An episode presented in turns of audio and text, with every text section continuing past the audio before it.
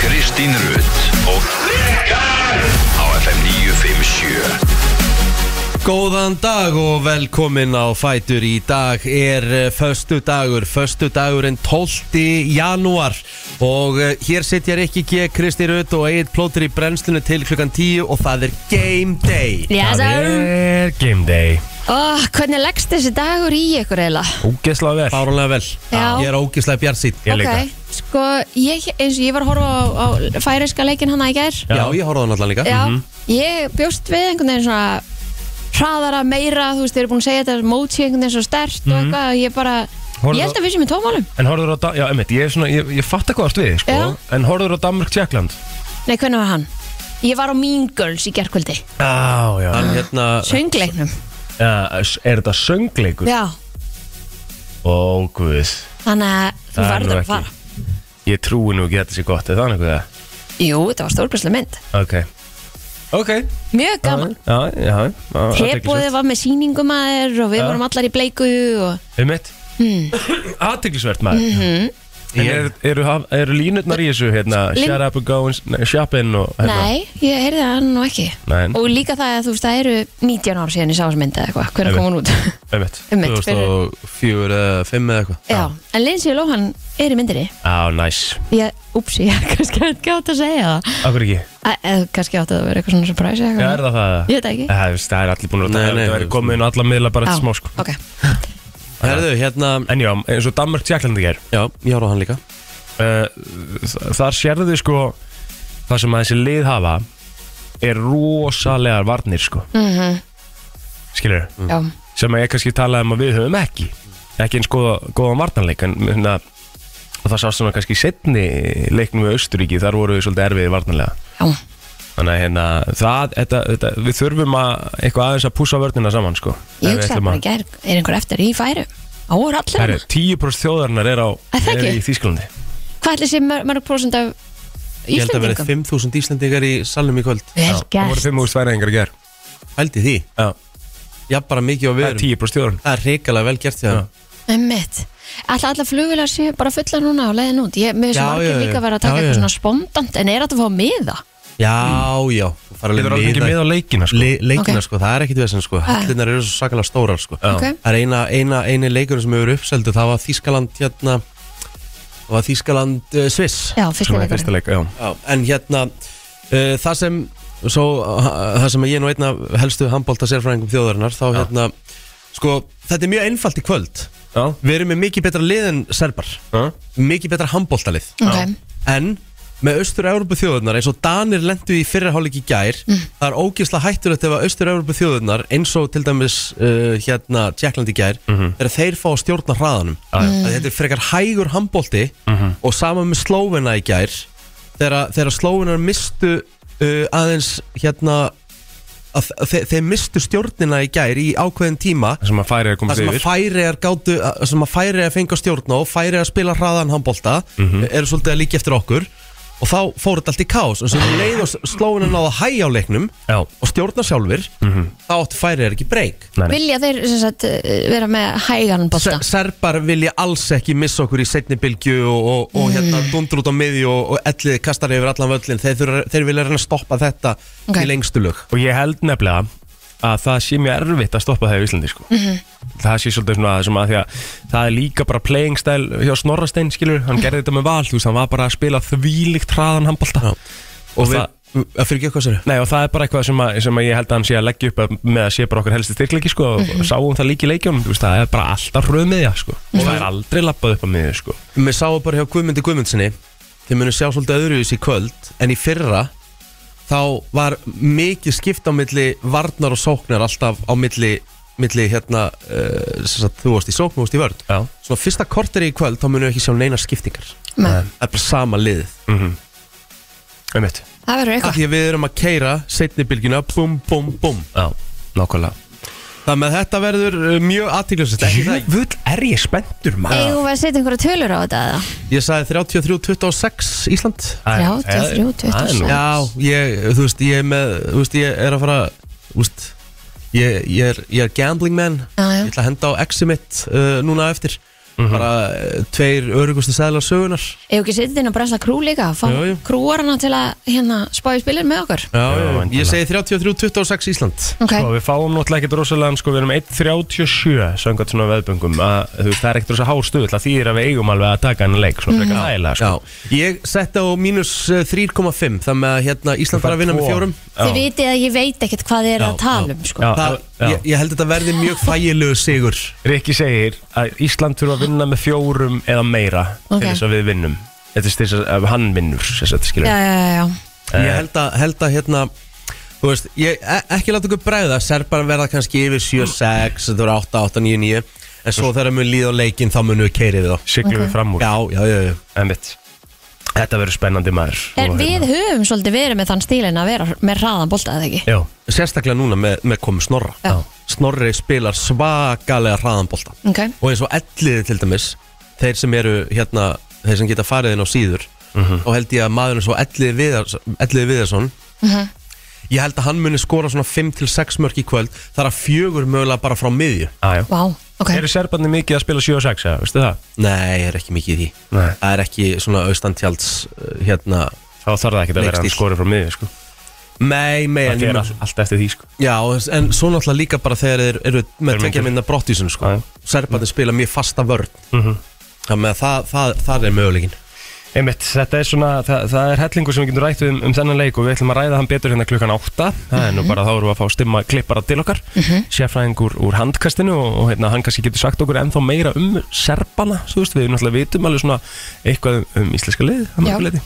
Sko, Se- Serbar voru voru bara á pr- á píkinu sínu og præminu sínu 2010-2012 þegar Mhm. við vorum frábæri líka Já, já. þá, hérna, þá tóku hérna Serbar, uh, ég heldur að mér sætti ekki Silfur Já, Hvort það hefði ekki bara verið á E EM uh, Já, já, 2012 Já. Þá, þá unnuður, já, þú veist, þá fóruður í úrslitaleikin við hérna, við náttúrulega líka uh, sko, Minnum tvö- alltaf, hm, Já, við töpum fyrir serbum á síðasta uh, EM það eh, síðast, Nei, það var EM 2018 sem Þannig við að okkur töpum. langar að vinna þá Já, en þeir þeir, eru þeir, ekki- þeir, þeir, tóku okkur, þeir tóku okkur þannig að við fórum ekki upp á millirili 2018 Já, en við aftur á móti Þeir hérna, það var einn leikur heldur sem serbar unnu á því móti, sko Mm. Einmitt.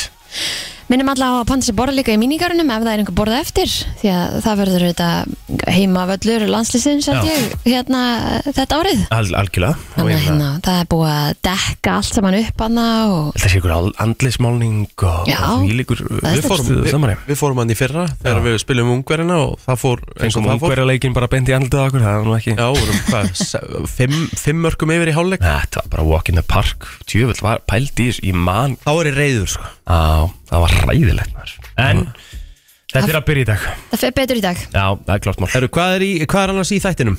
Herði, Birgitta Haugdal ætlar að koma til okkar, hún er að frumflytja nýtt lag mm. og þetta ræðum þess að ædolið sem að verður í beitnumsendingu í kvöld, Einmitt. Eh. fyrsti live þátturinn og nú er þetta komið í okkar hendur að kjósa, hverju já, fara áfram? Mhm. já, þetta er bara dómarinn geta sagt sitt og hérna og hafa sjálfsögð áhrif ég held að, að, að publikurinn svona svolítið hlusti á dómarana Já, uh, almenningurinn í landinu og, ég, hérna, en, en, en, en almenningur ræður hins vegar og svo ætlum við að fá uh, Ágúst Bent til, til okkar Mhm. að ræða róttvælir tónleika já, þeir gáfu það út á dögunum að þeir ætla að fara að vera með risa afmælistónleika, 25 ára ömmett og... Og- þú getur alveg bóka það, ég verð fram sko ég held að það er lögatisvöld skilur Já. þannig að það, þetta verður eitthvað djöfusis partí sko það er næstlega brennslu gig Herðu, Júli Heiðar kemur til okkar sömulegis mm -hmm.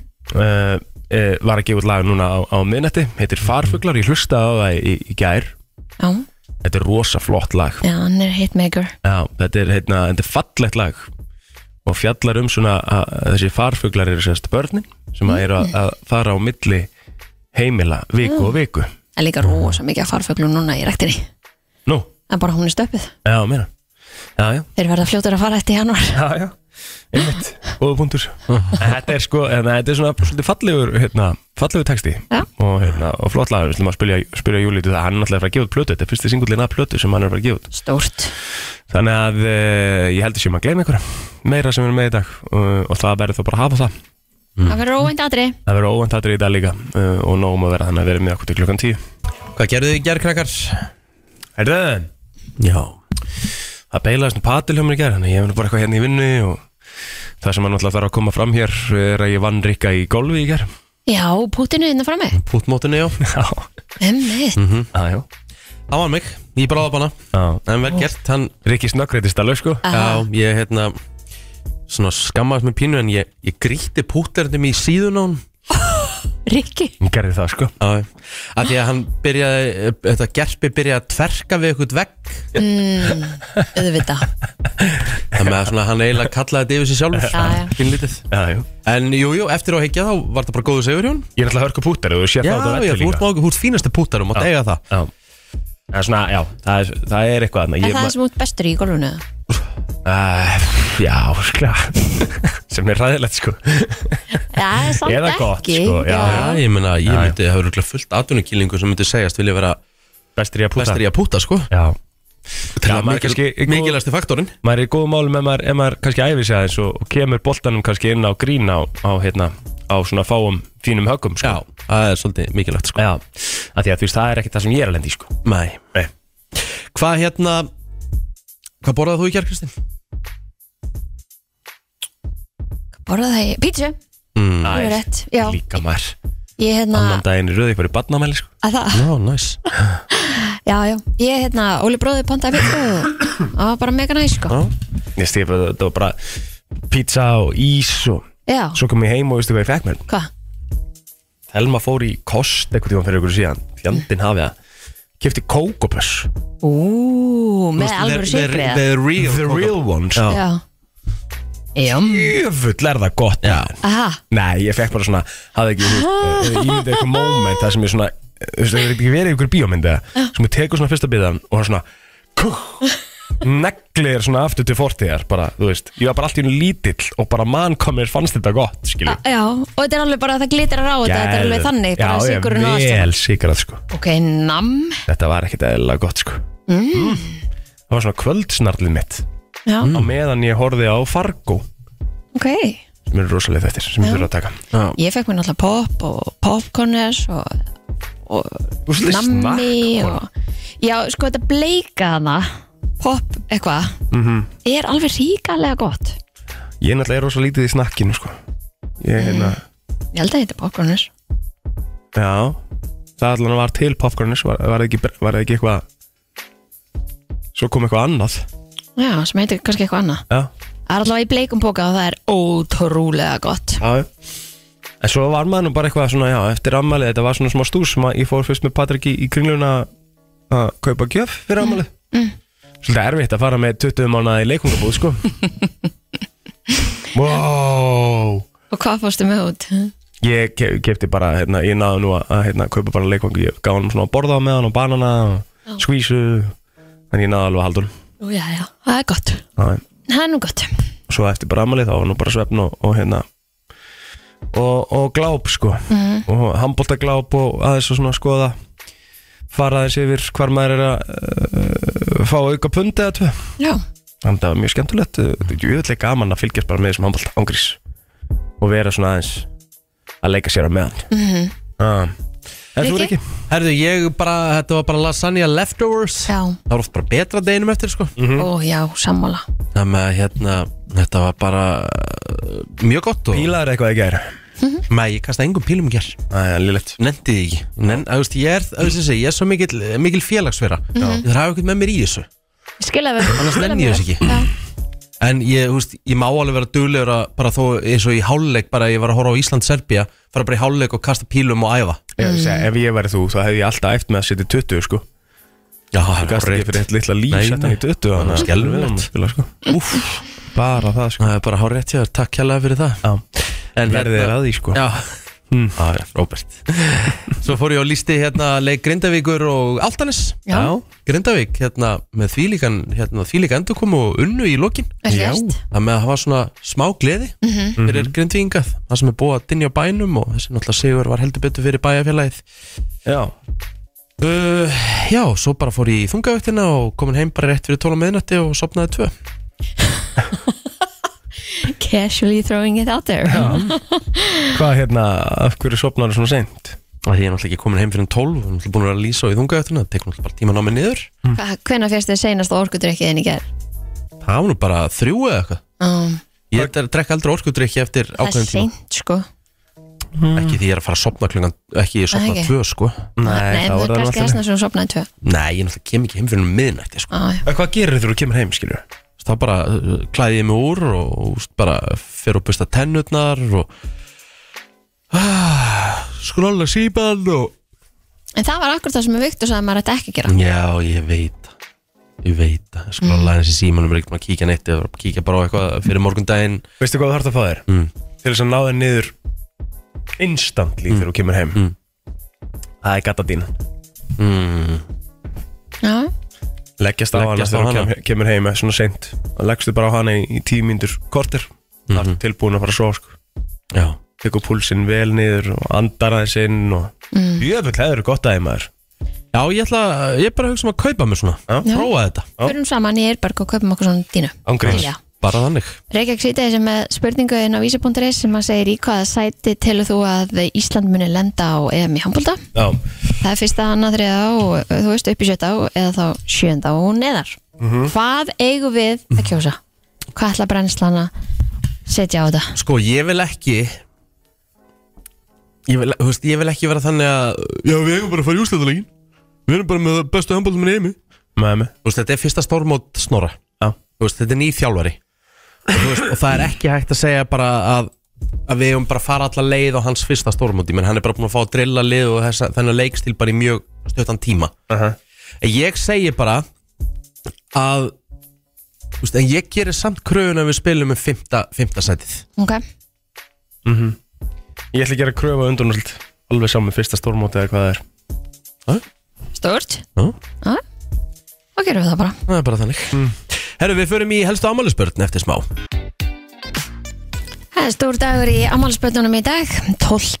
janúar og um, ég ætli stæðst ammálspötnið og allavega ríkasta er Jeff Bezos, Já, Mm. hann á ammál dag og það er stór ammali, hann er 60 í dag. já Ég get alveg ímyndað að mér að annarkvort að verði eitthvað risa partí að þá hann er einhverstaðar á einhverju snekju einhverstaðar og er að setja vel út í hagkjörfið sko.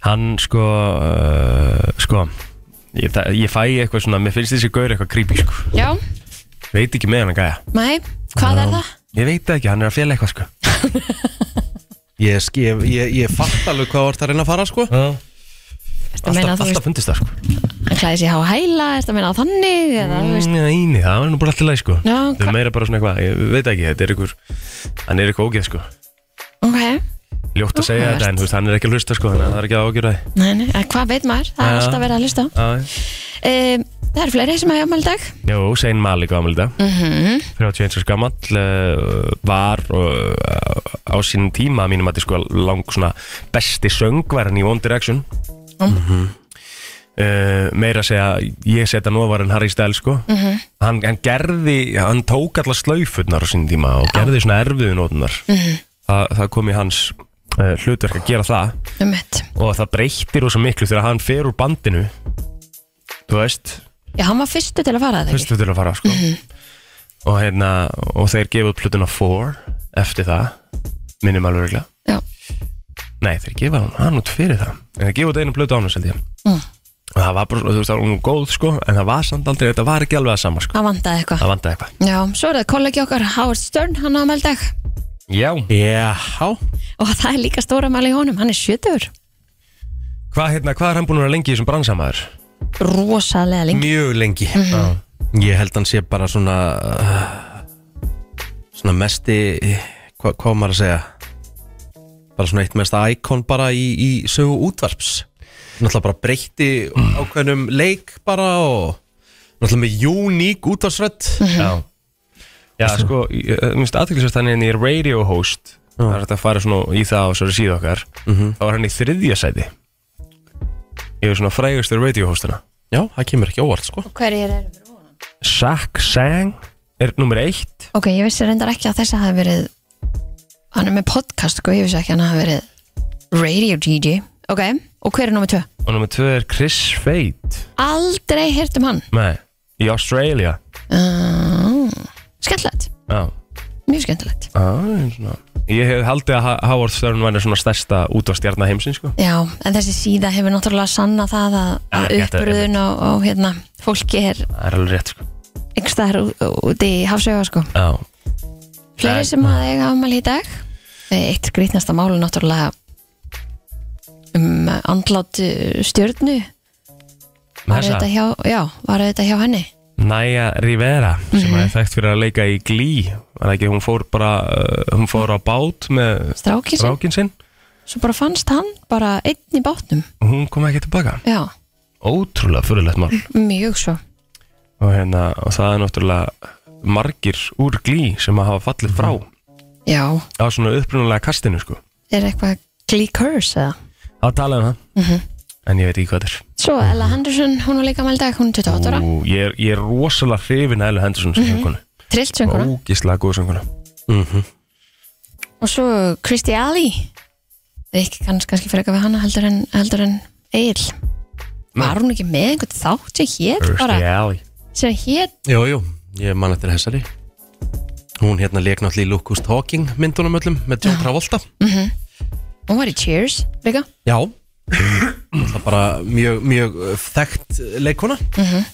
En alltaf farin yfir móðuna miklu Jú, jú Það er rétt hjá þér Svo er þetta með Toto Wolff fyrir þá sem að horfa á Formule 1 Svo sem að stjórnur öll og stýrir í uh, Mercedes-Benz Petronas Formula 1 team Já Há, En svo erum við þetta að gleyma eða þú veist ekki búin að nefna einna mikla neglu Aron Már Ólafsson á afmæli Mólin er hann að taka fyrstu, Mólin á afmæli fyrstu útsendinguna sína ammálistæðin Það er heldur fallett Þoruglega sungi verið hann í kvöld Já, 30 og eins og skamall í dag Há, og skum öllum minnilega til hamingi með daginn sem eiga aðmælega þarna úti líka uh, en þá held ég sem bara búin að tæma okkur í aðmælspöðunum við heldum bara áfram Hér er komið að lægi dagsins í brennslunni Ella Henderson að sjálfsögðu uh, 28 ára gömul dag Já, en við mistum Mel svona C er 50 í dag Emmitt, úr Spice Girls stór afmæli Það uh, skulle myndi, ég seg, afgæti myndi, myndi, myndi halda að hún trompi Ella Henderson Já, ég myndi halda það en ég bara skil ekki okkur hún er ekki á síðun okkar Hvernig má Hún er á minni þetta? síð Já, ok Ah, Vitið þið hvað, vitið þið hvað uh, C stendur fyrir? Mel C, C Claire, Hún heitir Melanie Claire Ég hef ekki hugmynd sko Melanie Chisholm Chisholm Ó, Ég hef hvað það brast ekki verið þetta. inn í allan dag Hún er, hún er auðvitað Sporty Spice Mhm. Já, já Og uh, já, ég var nú svona, ég, veist, ég var engin svona bilað Die Hard uh, Spice Girls aðdáðandi En Já. ég varð aðdáðandi á henni Eftir hún gerði duett með einum af mínum uppáhalds Brian Adams Já, og hann var trillt, það er trillt Við erum When you're gone Já, það er þannig Þetta er alvöru maður Þetta er fyrstur Gekkjalag Vá, gott hvað lag. þetta er trillt lag, ég var nú bara gleyma málið Þetta er uh, helvítið skemmtilegt lag Já, þetta er svona svolítið þetta er mikill fyrstur Og meira að segja við spilum þetta alveg nokkuð, nokkuð grimt á sinni tíma sko Já, ég skil það mjög vel. Hvernig kom þetta Hérna út? Hvað ára er þetta? Þetta er eitthvað stærri kringum 2002-2003 Það var um bill Hvað er sko, að því að núna hafið þið nú, Þetta minnst það svona ágætispunktu svona inn í það að við séum að fara að spjalla hérna við Stimma klippar þetta smá Mhm. Já. Mhm. Við þurfum reyndar að fara í umræðan líka Já, höfum við ekki tími í þetta, en það getur það bara stutt uppáhalds tímabil ykkar, því nú eru þið búin að vera að vinna FM í hvað, 20 ára er ekki og 18 ára og 19 ára eða eitthvað onnum áfjá þér Mhm. Já. uppáhalds tímabil ykkar svona í tónlist af FM Ú, já. ég man sérstaklega eftir svona áður en að- meðan þið hugsið þá man ég sérstaklega eftir FM þegar það var svona háskólarocks fílingur Já, ég man ekki einmitt. hvað ár það var sko. ég var svolítið hrifnaði ég er, ég er hérna íslenskt uh, sveitaball, hérna Já. hljómsveitir, einmitt, þú veist, Aldamótar. alvöru hljóðfæri, Mhm. mm -hmm. Mhm. skilur aldamóta tímabili Mhm. Já, ég er svolítið þar sko En þú veist, í gegnum tíðina er bara mikið af ótrúlega flottir músík verið spiluð, skilur og við erum, við erum alltaf upp á tíu með það sko breytist alltaf Bestu, svakalega bestu tímarni mínir eru svona frá 2007 til 2009 þegar danstónlistin kom aftur Já. sterkinn David Guetta að David Guetta var að uh, endur uh, uppgöta sig Mhm. Já. Mhm. fengum hann að Guru Joss og Infinity uh, þegar Cascada kemur út Every Time We Touch þarna er uh, Mhm. svolítið minn tími sko þarna er, þarna er dansrikki askoti, askoti góður geðut Herðu, ég var negla okkur beint í umræðuna eða viltu taka ykkur auðlýsingar undan eða eitthvað Nei, nei, svoleiðis? nei, nei, hendum okkur umræðina Herðu, það var nú svona svolítið stort í, í gær uh, þegar að koma að uh, ölgerinni Já, ymmið Ölgerin sé að hætta með, með Red Bull Er Íma Guðmunds að fara að taka við umbóðinu á Red Bull á Íslandi? Nákvæmlega. Ef það er einhver sem allavega ætti að geta gert það, þá er það það Nákvæmlega maður Bara eh, heil, heil drikku sem heitir eftir honum, sko Mhm. Mm. Já, það er sérst, þetta er í rauninni þannig að hérna, uh, Red Bull úr vist bara eitthvað ósattir uh, og, og segja upp samningnum við Mhm. ölgerina Uh, vegna þá kollab eða Já, það er svona það sem þau er að velta fyrir sér mm. þau hjá ölgerinni að Kollab hefur náttúrulega eins og hann segir hérna uh, hann Andri uh, fórstjóri ölgerinnar segir að- að að Kollab hefur vaksið úr engu í að vera margfalt stærra en Red Bull Mm. og þetta tekur það fókus frá okkur, það hefur sennilega verið ástæðan Já, ummitt Já, já, það er fullkomlega eðlilegt að Hver er stærsti orkudrykkurinn á Íslandi í dag? Hver er, me- er mesta salan á nokkonum ennþá eða er það Kollabinn? eða- þekki það ekki Ekki það bara ekki Nei. Það hljóta að vera þessi tveir eða ekki sem eru Þetta er svona, uh, ég held að þetta séu svona stólparnir Já. Svo er hann að Orka og Monster og Monster er náttúrulega sterkur líka, já svo er hérna eh, einhver sem er frá, hvað, Júrasjöpar eða eitthvað Hann er geggjaður Já, hann er líka Alltaf til hellingur af þessu Það er nú alveg Já, Það er spurning hvað er svona stærsti það lætur þetta nú alveg vera, maður er bara í klaganum Já, herðu, kannski þá aðeins yfir á uh, svona alvarlegri, alvarlegri mál og, og förum þá kannski aðeins í, í, í leitina sem er nú ennþá í, í gangi hérna í þessari sprungu í Grindavík en, en Hjálmar Hallgrímsson sem að stýrir aðgerðum hérna á vettvangi hann segir að unni sér hörðufundum að því að greiða fyrir aðgengi í sprungunni sem talið er að maðurinn hefði fallið ofan í Mhm, Það var eitthvað hlið gert á hérna, leitin í nótt Já, vegna held ég bara aðstana og þetta bara fólk voru þreytt já, eðlilega Og það er bara verið að nota allt uh, færasta fólk landsins til að vera að fara þarna niður. Það er verið að taka eitthvað grjót þarna frá, sem- frá sem að var aðeins fyrirvíst. um mitt Þannig að þetta er bara vinna sem er í gangi að, að, hérna, að fullu og hún er 6 metra djúb hólan þar sem að hún er grinst sko. Þannig að þetta er þetta er uh, risa sprunga Þetta er ótrúlegt og við höldum áfram að fylgjast með því við fáum að, að sjálfsögðu alla frétti beint í æð inn á, inn á vísi.is Mhm. og talandi um uh, jarðskjálta frá miðnætti hafa yngir jarðskjáltar mælst uh, í grímsvötnum sem betur fyrir held ég bara það var eitt sem að setja inn status á, á Facebook í gerð hvernig undirbýr maður sig undir gós í grímsvötnum Já, Þú veist, það verður náttúrulega eitthvað svakalegt ef að, ef að það myndi vera eitthvað svona fúlblón gós þar já, en uh, við bara fögnum því að það hafi ekki verið neini skjálta þar og það sé bara svona rólegt og þægilegt já Herði, Björk uh, Guðmundsdóttir uh, hún var samþýtt sem heiðusborgar Reykjavíkuborgar í gær Á, og, hérna, og hún er sérst sjöundi reykvingugunin sem að hlýtur þennan heiður Mhm. og uh, út frá þessu þá mun myndlistakonan Gabriela Freyristóttir skera bjargar stittu nei, Já. vá það verður skemmtilegt stórt Mér finnst það mjög cool Mhm, mjög svo, Þannig að það er spurning hvar svo stitta verður já Er þetta ekki bara eitthvað svona dæmi sem er sett fyrir utan hörpu eða eitthvað Er það ekki? Og verður þá skipt út alltaf eftir hver reykingungurinn er eða? Nei, nei Þú Ég er bara að því hún er tónlistamæður. Já, Já, já þetta fær náttúrulega Hrifin af bara að lifa þannig sko. já, já. E, það segir líka frá því hérna á vísu.is að vonur á ísingu og mögulega lúmskri hálku en vegir á landinu eru flestir blöytir og þegar það kólnar hægt og bítandi í hægum myndi mun, e, myndast ísing og lúmsk hálka en þetta kemur fram í tilkynningu frá viðurfræðing vegagerðunar en þar segir að þetta muni gerast fram, framan af degi á fjallvegum og inn til landsins og við sjáva síðuna í kvöld og í nótt en um færð á vegum nú í morgunsárið segir annars að það sé hálka hálku blettir á nokkrum leiðum á norður og austurlandi og flughalt sé meðal hans á Mývats og Möðurudals urafum og einnig við Dettifossveg en greiðfært er að mestu á sunnan og vestan til á landinu en við það eru farið, farið að myndast hólur í vegum og eru vegfærandir beðnir um að akka með gát Mhm. Já, það er skulum fara valega þegar einmitt hérna er að fara að frista já, og eins og kom fram í þessari frétta að þá er einmitt búið að vera mikið blöytt Mhm.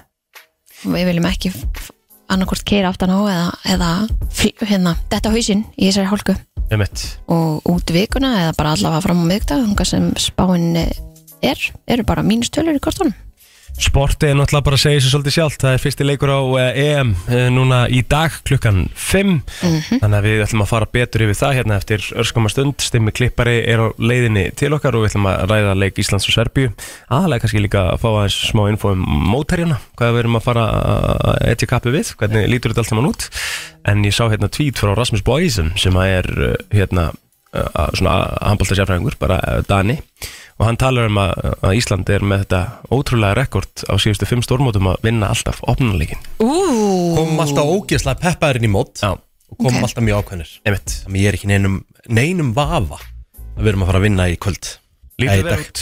Lítið vel út, herru, við förum uh, Já, við erum að fá, uh, já, handbólta Stimma, hér enn smá Mhm.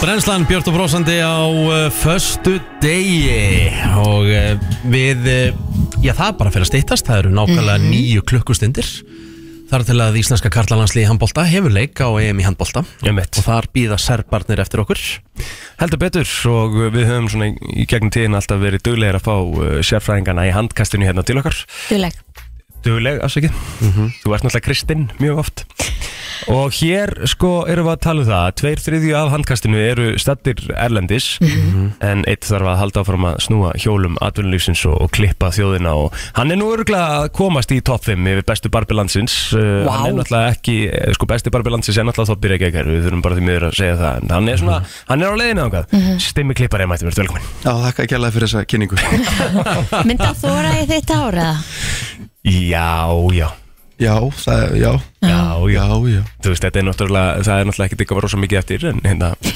það er hægt að vinna eitthvað með þetta alveg Já, en sko, góð saga af þoppa á Reykjavík er við náttúrulega kynntumst í gegnum handbóltan Já, þá var ég að hita upp og þoppið náttúrulega þegar hann var yngar var vel virkur sko Mhm.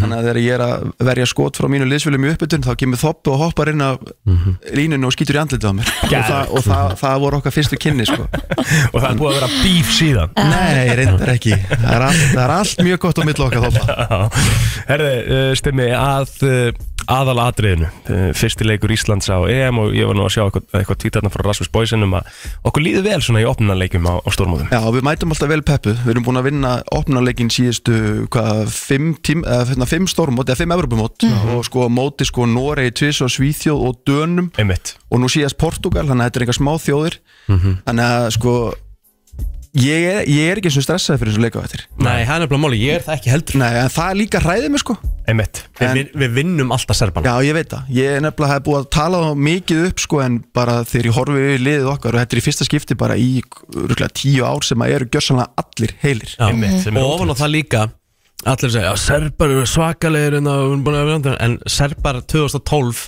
er ekki serbar 2024 Nei, nei, en það er enda búið að vera mikill uppgangur í serfniskum handbólta núna undanfærið og þeir eru komni með hérna, þjálfara frá Spán ef ég mann rétt sem er búin að vera að reyna svona, hvað ég var að segja, hann er búin að vera að berja þetta serfniska mentality úr serbunum að því að eins og við höfum þekkt bara á stormóti gengum tíðina þegar serba lenda undir það bara hættar og fara í fílu en ef þeir eru onnit þá eru þeir ótrúlega góðu sko, en þeir eru onnit við svona, segir sagan í handbóltaheimunum onnit miklu svona jafnari sko, þeir, þeir gefast ekki upp Ok. lengur Já. Mhm. en, en eins og sé, ég, ég, það hræði mig pínu hvað ég er ótrúlega kokki fyrir svona leik En hvernig eru þessir, þú veist, en hvernig eru samt sem aður þessir, þessir leikmenn, þessir einstaklingar í þessu serbaliði, þú veist, hvað eru að, hver eru að mæta hann? Sko, við erum að mæta bara svona þokkalega jöfnu lið en ég myndi segja svona að þeir sem að standi upp úr hjá serbunum og nú munur bara allir íslendingar örugglega að fá gæsa og það er línumæður og markmenn Já, já, þeir eru með, þeir eru með þessast hrikalega stóran og staðilegan línumann frá Fúsi Berlin sem er 202 sem að hefur ekkit reynst okkur íslendingunum sérstaklega vel undanferðan náður að mæta þessum stóru köllum einmitt Mhm. og svo eru þau með tvo hrikalega öfluga markmenn að- sem, sem spila fyrir hérna, Fúsi Berlin og Stoja Búgaresti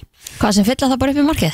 Nei, nei, við erum með svona ótrúlega seg að skjóta góða markmenn í gang Við verðum ekki um Algjörlega, tíðina maður. bara, við þekkjum bara þú veist, Andreas Wolf og Niklas Landin og Tyri Ómaer og bara, þú veist, við erum einhvern veginn snillingar í því Mhm. En ekki í dag, Týri Ómar áttu alltaf bestu leikinu sinni mútið Íslið alltaf, Það er það er einstakling ótrúlegt en, en, en sko eh, það, það, ég, Hvort það hefur verið Elvar sem sagði í viðtali gera að eh, þessi markmaður í Fúsi Bellin sé bara svo besti í, í þýsku dildinni núna á þessu tímpi Já, hann er alltaf upp þegar en við sáum alltaf Andreas Wolf kannski þeir sem horfðu að opna leikin eða svona hálfa opna leikin, hann varði ekki nema 60% skotana sem koma á hann þannig að, Já. þú veist, þeir eru þokkalegir en hann reynir þar að spila í Pólandi en þú veist, það eru ótrúlega góði markmenn út um allt og, og hérna en ég bara, þú veist, við erum á deginum okkar, myndi ég segja að við erum topp tvö besta sóknarlið bara í heiminum og eftir dönum Já, Vá. einmitt. þannig En að svona að þínum mati, hvernig stöndum við bara fyrir þetta mót? við stöndum ótrúlega vel sko, menna, hérna, fyrir um kollegi ykkur hann Gaupi, hann spáði okkur velunasæti á þessu móti fyrir ári síðan Já, já. og það er búið að tala úslega mikið um hvað leiðun okkar sé erfið og millirriðlinn sé erfiður en þú veist, þegar ég horfi yfir í hinn millirriðlinn þá líður mér ekkert illa við að sleppa við Dani Sví og Norman sko Nei. þannig að þú veist, það það þarf bara að vinna þessi þessi stóru og staðilegu lið til þess að komast alla leið sko, ég veist, draumur minn er undanúslitt en þú veist, ég myndi alveg sætta mig við top 6 en mér fannst sérfræðingurinn komast vel á orði held ég en það var hjá Thomas Stendos í síðustu viku svona hans vendinga fyrir þetta mót og ég ætla bara að fá að stela því er sko, ef við erum í sjens þegar eru tvei leikir eftir í millirili þá er ég eiginlega bara sáttu sko, ég nenni ekki að fara inn í næstu viku og við erum bara út eftir eitt leika eða eitthvað Nei, mitt Mhm. En eru einhverja líkur á því? Nei, Nei. við erum að fara upp úr þessu dilið með fullt og stiga það er bara, það er, það er bara 100% Já, Hva, hva, hvað þurfum við svona helst að hafa í huga eins og til dæmis það er alltaf að tala um hennan slæmakabla okkar Mhm. að tala margir um núna að við erum með frábæra frá, við spilum frábæra sóknarleik Mhm. en vörnin uh, sé svona akkilesarhællin og það er oft talað um það að sóknir vinna leiki en vörn vinna mót Já, sko Snorri Steinn það- þess að var hent framunna hjá okkur í handgastinu fyrir hvað svona einn og hálfur viku síðan að Snorri Steinn, hann spila vörð til að komast í sókn Snorri er sóknuþjálfari, hann, hann leggur allt upp úr því bara, þú veist, ef við skorum fleiri mörgum anstæðingur þá vinnum við þetta Já, mm. þannig að við erum að fara að sjá gífulega hraðanleik það myndi ekki koma mér á óvart ef að hérna Stephen Topa Valencia fyrir að leik með Val sem er búin að fá svona, þú veist, það er svona kannski búin að mesti hitin með það Val í, svona, a- í aðranda mótsins að hann muni spila töl, tölverð stærra hlutverk í- á þessu móti heldur en við byggust við þá aðalega varnalega mm við sáum það móti Östuríki þegar hann kom inn í bakverðinni í vörninni þá hérna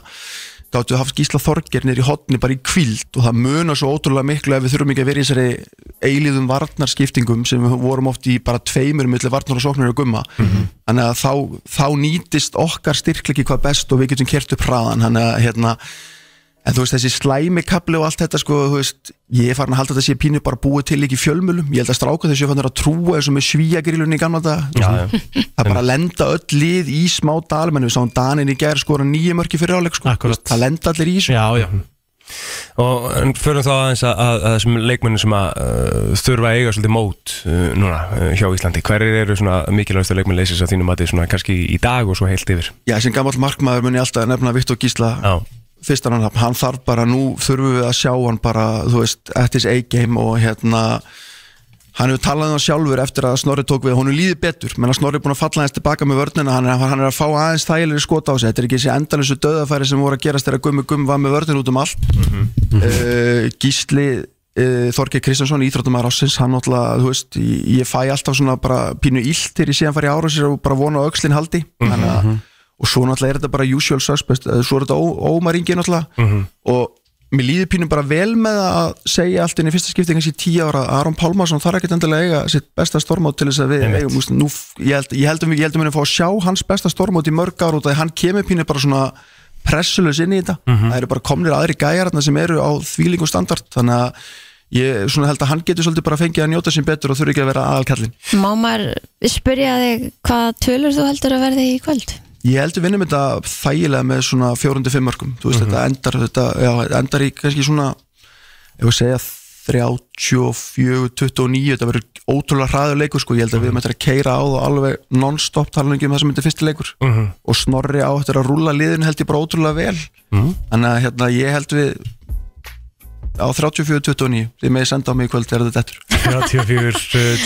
34, 29 Rikki segir 33 33-26 Já, Þannig að Ég bara þið eru segi- hana En þá bjart sýtni sko mm Stemmi, takk kjærlega fyrir komuna Við kveitum sér flesti til að hlusta sjálfsögð á handkastið á meðan á móturinn stendur Þið eru endalust að- að að kasta boltum á, á milli já, já þáttur í kvöld Sáttur í kvöld Stíf, Stíf Dagskur allar að koma til okkar og gera hennar leik upp bara strax að leikloknum Næs, eru þeir eitthvað í beinni þannig frá munn hérna, er, er það eitthvað, þú veist, geta er það eitthvað? Erðu, þeir tóku græðunum með sér og Svo er hérna, spurning hvort þið kunna að setja sem sagt, hérna, samband eftir. já, þeir, hérna, þeir, þeir stefna á upptöku á morgun en ef við vinnum í kvöld þá getur verið gaman og þá kannski verður dropp seint á morgun Já, Stemmi, takk dæmum hérna ekki. fyrir komuna. Takk hérlega fyrir mig Þú ert að hlusta á eh, brennsluna Já, það var aðtilsvört.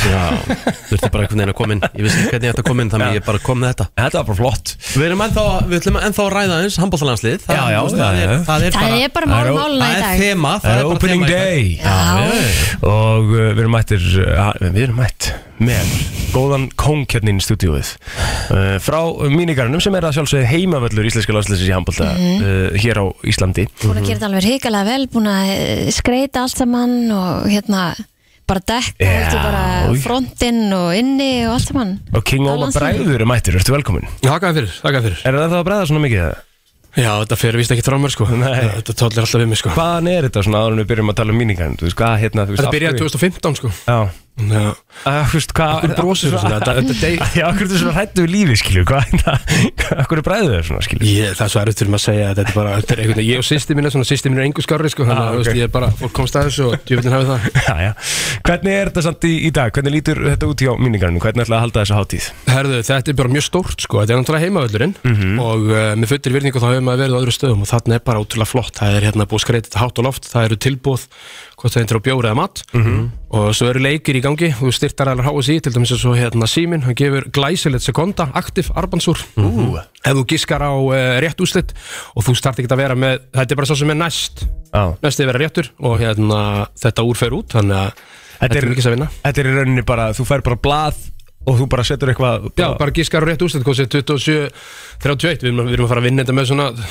3-4 mörgum, þannig að Já, já. Geðut Og hvað, ég meina, þú veist, er ekki andlismálning og Jó, það er hans málningalæti, Já. þú verði flottur, reyndar Rikki verði fýtt með íslenska fánan á enninu Ég held alveg Já, blöð ég held að myndi klæða mig Það er meira pláss á þessu enni þarna Allan með einhvern veginn Jói Fjellmálaði, sko Það er hellingspláss á Hann reyndar þessu ekki með hátt ennis og ég, þannig að hann er heldur myndalegur En þú ættir einhvern tímann að raka líka aftur æs hérna í hliðanar, þá er það náttúrulega núna Emmi ah, Það er mynda stórt En svo er sérsveitin, hún er náttúrulega, hún er úti, hún, hún er komin út Mhm. Þau fór út á miðvikudaginn og uh, ég er svona smá hluti af henni en enga veginn er svona eins og- eins stórum sem þau eru sko En uh, þau fór út 17, hvað, 17, nei, fór út í á miðvikudaginn Mhm. Fór út með hvað, 7 trommur og, og, og læti Og þau eru með gjallarhóttn og læti, ég er svo innilega að vona að gjallarhóttni fái að- að að- hérna, njóta sín hérna En ætlum þið að vera með þannig nýri minningarinn líka Trommur og gjallarhátt Sko ég er náttúrulega svona, einhver segir veikur, ég vil meina ég sem er mikið, passion Já og uh, ég klæði mér svolítið mikið upp og ég er upp á borðum og látum og eitthvað svona þannig að ég ætla ekki að lofa neina en ég er líklegur sko í allan fjandann sko Já, já Hvað hérna, hva, hvað meinar þú klæðið þig vel upp? Ertu ekki, er ekki bara eðlilegt að fara bara í búninga? Nei, ég muni síðast var ég gómaði með einhverja hjálma á hausnum og, og Þú ég, færð óli já, ég, fer- ég fer ólinni, ég fór og hitti hana e- eina fallega dömu hérna í fyrra og var, var komin á þann stað, ég var að fara leiðin út en það kom bara smá upp á hann að ég var farin að láta gera svona, hafði ekki sér skíðagalana Jó, gamlu, gamlu góðu já, já. Það var búið að mæla mig alveg út Ég var búin að massa mig alveg vel í gangu Það var búið að mæla mig vel út og það átti bara að gera fyrsta sinni tegund svona íslensk, svona, svona galla sko Og ég er svona, já, já, ég er svona Svolítið mikið álinn sko Það er veikt maður. Er bjórun ennþá í í 0,5 lítra glösunum og... og- Nei, Þetta er í hættu góðu þessu, þú, gír þú og- mælir í könnum Já. Hættu þessu, þetta Er eru þetta stóru könnurnar? ja, Þetta eru þýsku könnurnar Auðvitað Þetta er í Þýskalandi Þetta er í Já, takk, Ah, Þýskalega, þú ert í lítra könnunum í dag. Rífum þetta í gang Rífum þetta í gang Ah. Þú ert í bjór höfuborg Evrópu munn hérna. hér Þú ert í Oktoberfest Ah. Jú, þetta er þetta góðu punktur maður. Pældi ekki Ætti þessu. sem er stífilinn líka það Ég, sko, ég veit ekki hvað sem er stífulega, þetta er hérna lítils könnunnar sko, við erum að keira þær í gangi, ég er búinn fjögur í vinninu, þá er ég að fara að trýtla með viðskiptavinni sem er kemur frá Danmörku, Já. Ég er hérna svo rugglar, ég fór, fór nýrður og gerði sér, hann hafði treyja á hann og setti nafni aftur, hann heiti Kim sko, er Dani og djú, hann fyrir beint í íslenski treyju, ég sagði, þú fengir ekki að vera einhverja helvist Dana treyju sko Geðveikt. og hérna, við erum fara að trekja þetta vel í gang, það er ekkit mikið að borðum eftir, Mhm. ég er kannski koma aðeins inn á það, það er ekki mikið að borðum eftir, það var alltaf stappað í fyrra og uh, ég myndi bóka borð sko Getur tri- tryggt þér borðin á, inn á mínigarinn.is Já. Uh, og við hvetjum náttúrulega bara sem flesta til að vera með í, í stemmingunni og það er, uh, ef við ætlum að mæla með einhverju þá ætlum við að mæla Ó, með það er allavega já. við ætlum ætlum að að mæla gera með að þú farir í hotwingsborgaran oh. Hann heldur góður. Ég, já, ég er í kjúklinga, kjúklingavængjunum með alveg bara löðrandi af sósu sko. Ég Og er líklega með könnu með sko, lítra bjór, það er að skóla þessu niður Ég meina, sögumir þurfa bara að kaupa sér eins orð Það er fínt að de- fá- detti í bjórið þá bara Hvaða vangi fer í? Bara barbecue? eða? Já, þeir eru góður sko Já Þeir eru heldur góður Vítasósan, ég man ekki reynda hvað hann heitir, hún er góð sko Það segir þetta alltaf að það sé boltatilbóð bæði á, á mat og drikk yfirleik einmitt. Þeir sem eru búin að banta sér borð mikilvægt að mæta 30 minnir fyrir leik til að halda borðinu Já, ég svo bara mætum, mætum blá Það eru til treyjur, ég veit að treyjurnar eru uppseldar Mhm. En ég meina, á ekki, á ekki allir eitthvað blátt inn í skápu eða Mhm. Þú mátt með þess að- þú mátt með þess að mæta bara í landslið þú veist, Já, bara ég meina- KSI-treyju sko Já, já, Skiptir engu máli Skiptir engu máli. Þetta er Ísland En Þú veist, svo er, þú ert að fara nýr í Það eru æsver og fleiri, þeir eru með alls konar ís, íslenskan varning og sem sem, ég, Ef ég sé vikingahjálm, ég nánast er að fara kjólunum beint á barinn sko. Það er að fara Þú kúplunum beint væri á gæn til- sko. þú Já, vilt það er bara vikingahjálma. geggjaður að mæta með vikingahjálm hausnum sko. Ómar, eh, takk hjálpa fyrir komuna míningarinn.is til að tryggja þér borð míningarinn er staðurinn á meðan á mótinu stendur það er heimavöllur íslenska landslýsins í handbólta á Íslandi sem viftarinn sem að eh, ég fekk nú svona, það er búið gaggrinn og svolítið hvernig hún hérna, hvernig hún brást við eftir hennan brandara frá þessum hérna gæja sem engin veit hver er hérna á Golden Globes Já, já, já hún var svona svolítið fíld á svipin Já, ég held hún sé fílubóki, sko er það ekki? Já Ég ætlaði að reyna að byrja umræðuna hann sko. Já Þú ert ekki En- fan Nei, en þú veist, við, við- ég er náttúrulega, við erum ekki að fara í það núna, sko Nei, ok, við, Ég er að fara að skipta það þau sæti nú Ah. Af því að það styttist og styttist í Birgitta Haugdal eru að fara í það sem ég heldur sem að fara í Yeah, damn hef, hef, ég, hef ég náð að hitta á einu sinni eða? Já, þið Ég hef tvö hafið aldrei verið í náð að brasi. hitta. En þið gætu, þið, þið gætu hitt En núna akkur er ég, akkur er ekki þið? Af því að ég, það er komið að ykkur Já, ok Ég kem yfir núna, við já. skiptum Af því það er þema í dag Það er þema í Það er nú haldið, það er komið að því við ætlum að uh, fara í hittu á línuna eða Rosa haldu vont. taktinum, við erum ekki anþá búin að ákveða svona hvað við ætlum að skýra þetta. að vera að fara í þetta þegar Birgitta Haugardal skilur er okkar næsti gestur Jep, og hún er vantar að hlusta á það líka, Úff. ef þú lest það svo milli línuna Kristín, Óf, það var þema dagsins Birgitta Haugdal. vá, Já, þú ert hann. Ég er hérna vinnur Já, ok, Vá, það er ok Birgitta Haugdal þema. Ok. Hver ætlar að byrja? Kristín, vilt þú byrja? já núna? ég skal byrja Það ekki? bara Þá færðu auðvöldasta illu lagi líka. besta sko. lokið Þá færðu auðvöldasta lagi líka. ok, Ok, það er ekki döðvilt við þetta en ertu með textan fyrir fram Nei, að nei. laginu Fingur? Fingur, ok, Já Þú hlýtir nú að vera með það Þetta er úr búin að allast upp við þetta Þú ert búin að vinna í kringum þetta og hlýtir að vera með þessi lög upp á tíu Mhm. Það var fingur Til að byrja á Mhm. og við hún Herru, er innan fyrir utan Fáum Birgit inn nei, Jú Nei, ég ætla hún að vera með okkur hérna nei, Birgitta, þú ert Birgitta, að koma inn á milli þú Þú ert ert að koma inn á milli hérna- okkar Þú ert að koma á Nei. milli Jú. Sko. Ég trúi þess ekki Þú, bara, þú, þú, þú kannski útskýri fyrir henni Egill, hvað Já. hvað hann er að fara að láta okkur gera Birgitta, við erum í svona Ok. keppni get þetta ekki Sem að er bara hittu á taktin Þannig að uh, ég, og þú, ert- þú ert ekki með, þú ert bara að fara að hlusta núna af Því það er Birgitta Högdal þeima guð blessi Oh þig boy Já, Ok Ég ætlum að spila lag uh, sem allir með Kristín er að fara að byrja núna og laginu Fingur og hún byrjar að syngja þess með og það er í gangi svo lækka ég allt í einu laginu Og hún stressfaktorinn heldur varð ekkert eitthvað áfram að- minni við þetta sko og hún heldur áfram að syngja og svo hækka ég aftur upp í laginu sko. Og hvort hún sé á réttum taktum sé á Réttum tíma takti. Ok, ok Þannig að hún þarf að hitta á taktin sko. Vá, hvað ég Kristín, nei, Kristín. ekki fyrir spennt já, Kristín það er ekkert stress yfir þessu, þetta er bara Nei, gaman nei. Ah. Já. Tilbúin, nei, ok Tala í mækin Já. hvað er þetta að fara að byrja? Sko, ég er hugsa um að byrja bara einhver staðar Hér, tilbúin Syngja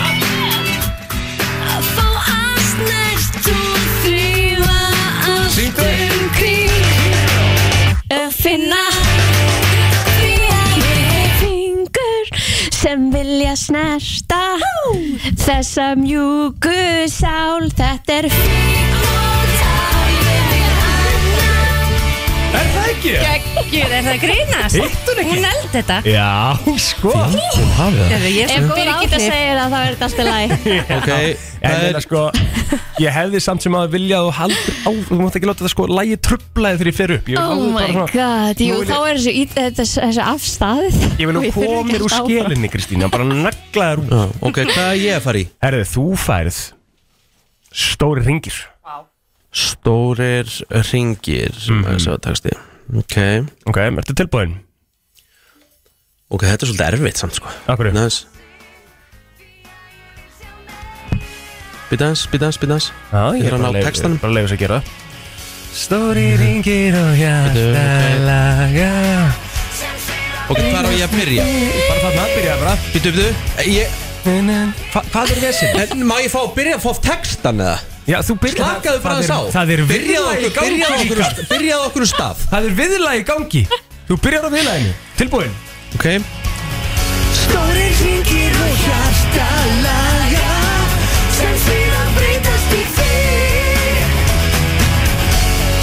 Himinin reyfist með þér Svo allt í snýst kringum þér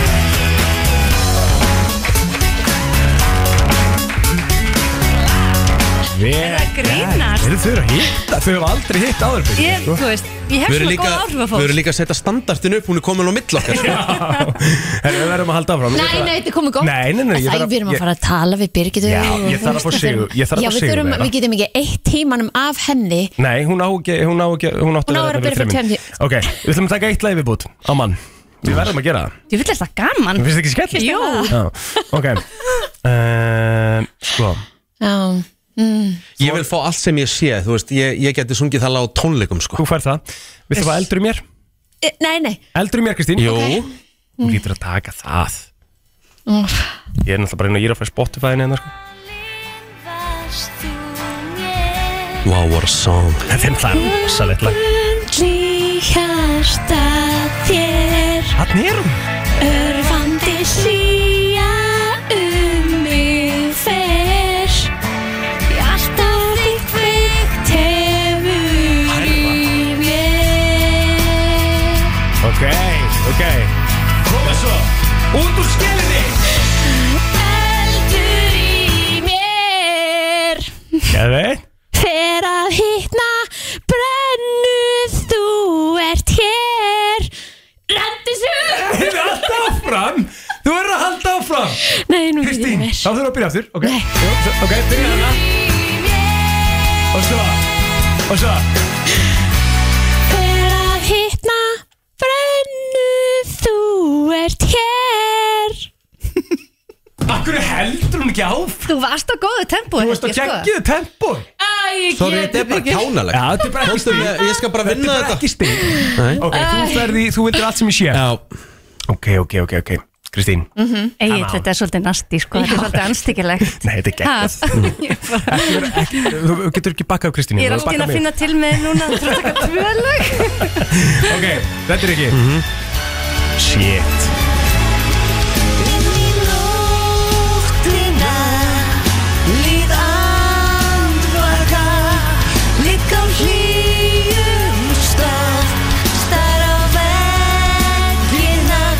Ég sé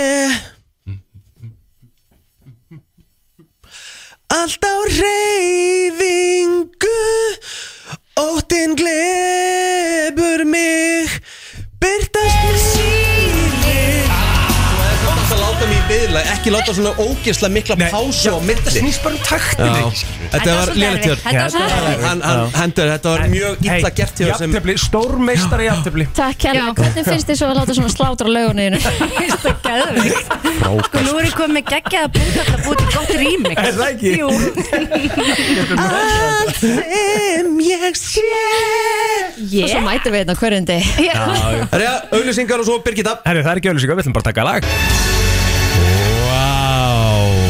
Já, ég held að sé best að halda sér bara við þessu útgáfu Já, Ekki hjá ég meina, okkur. mér fannst þannig ekki gera þetta aðeinslega Við getum lítur að sammála því mér varst það sjúklegt Já, Já, þú veist, það er bara svona Ég sko, að því að Rikki virkilega, sko, að því að Kristín, ég hef aldrei fengið að ná þú veist, Ég næ aldrei Kristín út úr skilni já, Hún svona er svolítið inn í sér með þetta En Rikki er með hörkur rödd já Og hérna, ég, mér langar rosalega að hann syngi fyrir þig Elvis Presti Ég væri bara ekkert smá mikið til í það sko Já Ég var að gera það Það eftir væri bara geðvegt Mm, Já, sjáum bara til og ekki bara byrja aðeins að fara yfir gestin og einbyrta okkur og einbyrta okkur og Birgitta, þú ert hérna að ástæði í dag sko. Það er fyrsta lagi náttúrulega eh, Þá varst þú að gefa út nýtt lag Já, Og svo er náttúrulega Idol föstudagur nákvæmlega, þetta Og er við- alltaf að byrja sko Þetta er alltaf að gerast Þannig að við ætlum að byrja kannski á því að að ræða aðeins við þig bara um Idol áður en við förum í lagið Mm. Mhm. uh, Þetta er fyrsta, hérna, uh, fyrsti svona live þátturinn í, í kvöld uh, Mikil pressa á, á þessum keppendum En, og, og af þessum tveim uh, serjum sem nú komnar eru Því líki söngvarar sem eru í þessari serjum núna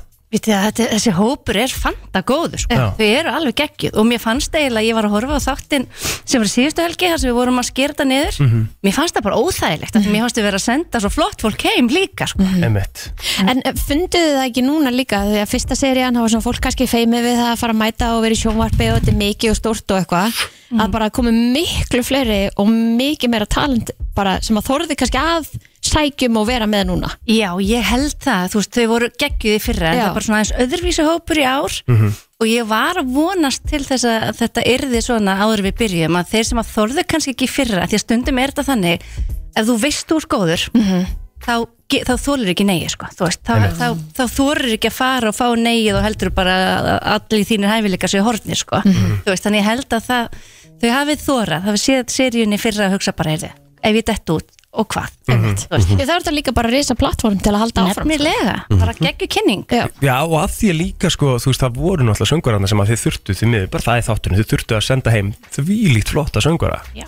uh, og þú veist er það ekki langerðast jobb í þessu þú veist að, að senda þú veist og þið eru vantala oft mjög ósamala með hvað þetta var áfram og hvað ekki Já, já, hvernig var já. það svona fyrir lokahópin fyrir hópin sem er núna þessi topp 8 hópur var það erfitt á millega dómarinn eða náðu þið alveg svona komast að sammenningu með hennan hóp Sko það eru alltaf einhverju svona það eru alltaf tveir, þrýr sem við erum ósátt eða sem, sagt sem við verðum ekkert sammála um Mhm. Já, Ah. já. sko. og svo þarf maður bara svona aðeins að ok, ég, ég er til í þennan, ok, þú tekur þennan og eitthvað svona, Þa, þannig að þetta er ekkert alltaf ógislega smúð en hérna og svo, en að- talandi um eitthvað erfitt sko, fá svo spurninguna, akkur ertu að senda mig heim eða hvað get ég gert betur Einmitt. og maður er bara eitthvað, ó, þú ert frábær þú veist, þú varst geggju og ég hef ekkert eitthvað það er ekkert eitthvað svolítið að laga, við þurftum bara að kötta einhver staðar já, og það er úrslega erfitt að, að segja þeim hver ástæðan er sko en stundum er hún kannski bara að því við vorum ekki alveg öll sammála eða, þú veist, eða þú ert aðeins og lík þessari eða þessum söngvara og ekki gaman og tvo alveg eins þú veist, þannig að þetta er ógislega brútalt En nú ertu náttúrulega líka bara búin að vera að kenna söng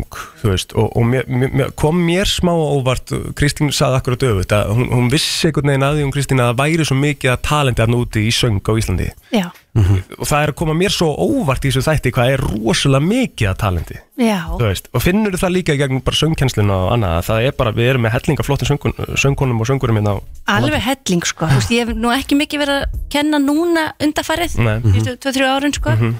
en það eru ótrúlega flotti söngarar núti sem að jáfnvel kom ekki í ædoli sko, þú veist, við erum ótrúlega ríka af flottum söngarum sko Mhm. en núna í kvöld og næstu hérna helgar nú snýst þetta ekki bara um söngin heldur þarf þetta að heitla þjóðina Mhm. í gegnum myndavélina og við að hann ennir enginn að horfa á leiðilega söngvara sem eru tæknilega góðir Mhm. Nei, nei. það skiljið hvað við, Já. sem er óáhugaverðir að núna þurfa þeir svolítið að spýti lóana og horfa í gegnum myndavélina og bara ná fólkinu heima en ekki, ekki fókusa of mikið á fullkomna nótur sko Finnst þér ekki þægilegt að geta bara að setja þess núna og fengið að njóta og svo komið með svona nokkra punta en þú hefur ekkert um það að segja, skilur Nei, nú ég hef ekkert að segja sko, ég er bara hann upp á punt sko, þú veist, ég veit ekki hvað við erum að gera hann En færðu ekki tilfinninguna líka bara að þið langar bara að hoppa á svið og vera með Já, jú, ég, ég það kýtlar alveg sko Já. þú veist, þetta er alltaf svo geggjað svið og hérna og bara ótrúlega gaman, en það er algjör forréttindi að fá að sitja hann í fremstu línu og, og njóta Já, líka skemmtilegt að sé Íslands þema í fyrsta þætti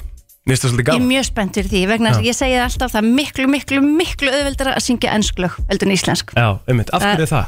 Það er að því að það er út af hérna sérljóðanum okkar, Já, íslenskan er svo hörð og við erum ekki með svona marga sérljóði eins og ennskan er. Það er svo auðveld að syngja ennskuna mjúkt og fallega en ekki íslenskuna. Mhm. Þannig að hérna, ég er mjög spennt. Tókst þú bara ákvörðun frá byrjun að, að ta- s- gefa þín lög út alltaf á íslensku eða svona meiri partin að þeim Já, það var eiginlega, þegar við byrjuðum að bara var það ekki svona rætt, Nei. þú veist, við bara, en, en ég mann samt að Íra fór fjekk hérna, við vorum beðin um að að taka diskin, allt sem við sé diskin, fyrsta diskin okkar upp á önsku og það átti að fara eitthvað að reyna að Já, gera já. eitthvað úti já, og við svona byrjuðum, ég man ekki hvort við tókum upp eitt eða tvö lög eða eitthvað og svo bara var engin áhugi þannig að við gerðum aldrei meir. það var bara Mhm. skrítið Á okkar hálfu sko, já, þetta var bara, við erum ekkert að fara neitt, við ætlum bara að vera hér. Það var svona bara, Mhm. verðum bara í eðlinu og höldum þetta áfram já, það var svolítið svolítið sko. það er líka næs þegar þið eru- gaman, Það er líka næs náttúrulega þegar þið eru að telja peninga á Íslandi sko, það þurfum ekki að hafa ágjörð þessi elendis Ég verða að spyrja þenni Birgitta Ég meina, þú hefur nú svona komið pínlítið óvart Ég var að horfa á áverðnapröfurnar og, og, og allt þetta í svona byrjun að hitu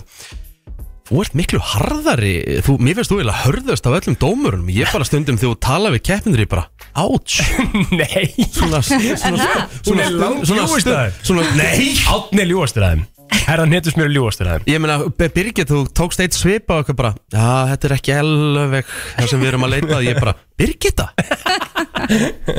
Hæ, ég, Þú- guð, ég man ekki eftir Þú ert alveg sængjörn, þú ert samt alveg, þú fór alveg Já. ákveðin og, og, og það sko. Já, ég, úst, maður reynir að vera bara sangjarni líka bara mm, maður, bara maður sjálfur að maður sé að segja sannleikan frá sínu hjarta Mhm. án þess að brjóta niður sko. En þú þarft stundu bara að fá það rátt framan í þig sko. það þarf alveg að gera það Já. En þá ætla ég að spyrja einnig spurningu, þú mátt ekki svara þessu pólitíkus. Þetta er önnu serían Ok, Mhm. og nú ert að fara á fyrsta uh, live-kvöldið. Þessi áttamanna hópur sem er núna í kvöld versus áttamanna hópurinn í fyrra, er hann sterkari eða veikari? sko ég er mjög spennt að sjá í kvöld ég, tilfinningi mín er að sönglegan sé hann jafnvel sterkari Mm. en það kemur svolítið í ljós í kvöldnefla Mhm. einmitt það er alveg bara hvernig standa því fæturnar í beinni útsýtingu á, á þessu stóra sviði með allt þetta fólk í salnum sko. Mm. Já, mhm. þannig að ég myndi sko, ég væri til að svara svo morgun, en Mhm. tilfinningin er ég hef væntingar, ég er að vona að þau séu sterkari ég held það sko, Væntingar já Herðu að þá tónlistinni Mhm. Já, mm. máli máluna Hennar eigin tónlist Já. Nýtt lag, uh, Birgitta, Springa út kom út á, á miðnætti á, á Spotify og ég spurði einabla hérna, hérna áður en að við fórum inn uh, af því ég kannast nú ekki við nafni sem Hal Óskarsson en hann er með þér á lagið sérst, gefið út á laginu hérna í artista, hann, hann stendur hérna með þér Hvernig kemur þetta uh, samstarf til? Og fyrir þá sem ekki vita hver er Hal Óskarsson Já, einmitt, góð spurning Hal Óskarsson er Hallgrímur Óskarsson sem að samti meðal annars Open Your Heart Emmi? Júruvísa Mm. lagið Geðvögt og, hérna, og hann hafði samband við mig á síðasta ári Mhm. þar sem að voru, það voru komin 20 ár frá því að Open Your Heart fór í út í Eurovision Já og ég, svona, ég hittnar í kinnunum að segja þetta þessi 20 ár síðan að mér finnst þess að séu svona sjö Þú Já, já, veitir hvað ég algjörlega. meina? Já. Og pælti því þú er ekkert breyst Já, hérna. Bara betri ef eitthvað er, sko. Ó, takk ekki, og hvað ég gleði að fá þetta Já. Mér leiði ekki svona ég vaknaði í morgun En hérna, en, hérna hann allan hafði samband um að spura hvort við ættum ekki að Nóða saman í eitthvað samstarf Mhm. Mhm. Og í tilefni 20 ára ammælis og, og við vorum að dunda okkur í þessu lagi á síðasta ári Ætluðum að koma með það út fyrir jólin En ákvæðum bara eins að býða Það var bara jólaösin og allt var að fara í gang Þannig að ákvæðum að koma með það núna Þannig að, hérna, að þetta er svona, já, svona ammælis samstarf En svona reynslubolti og ækon eins og þú ert uh, Færðu ennþá fyrringin við að gefa út lög? Finnst þér ennþá svona, færðu ennþá tilfinninguna svona ú, Já, al- já, bara þú veist, bæði ógislega skemmtilt og spennandi og ég er ótrúlega spennt að lega fólki að heyra en í leiðinu svona, ó, ó, ég vona að ég sé ekki svo eina sem að Nei. hafi þennan tónlistasmekk Sko ég veit af því að margir svona ungir artistar eru til dæmis með opið Spotify, hérna fór artist appið og er að refresha og skoða tölurnar sínar Ertu Já. eitthvað í því? Ég hef aldrei, ég veit ekki svona hvað ég á að sjá tölur Nei, Aðeins bara En hvaðan kemur Vá. titillinn? Springa út Herðu, það er bara í læginu, það fjallar um að að springa út og hérna og í raun og veru að dvelja ekki í gamla tímanum heldur en að hleypa sér áfram Mhm.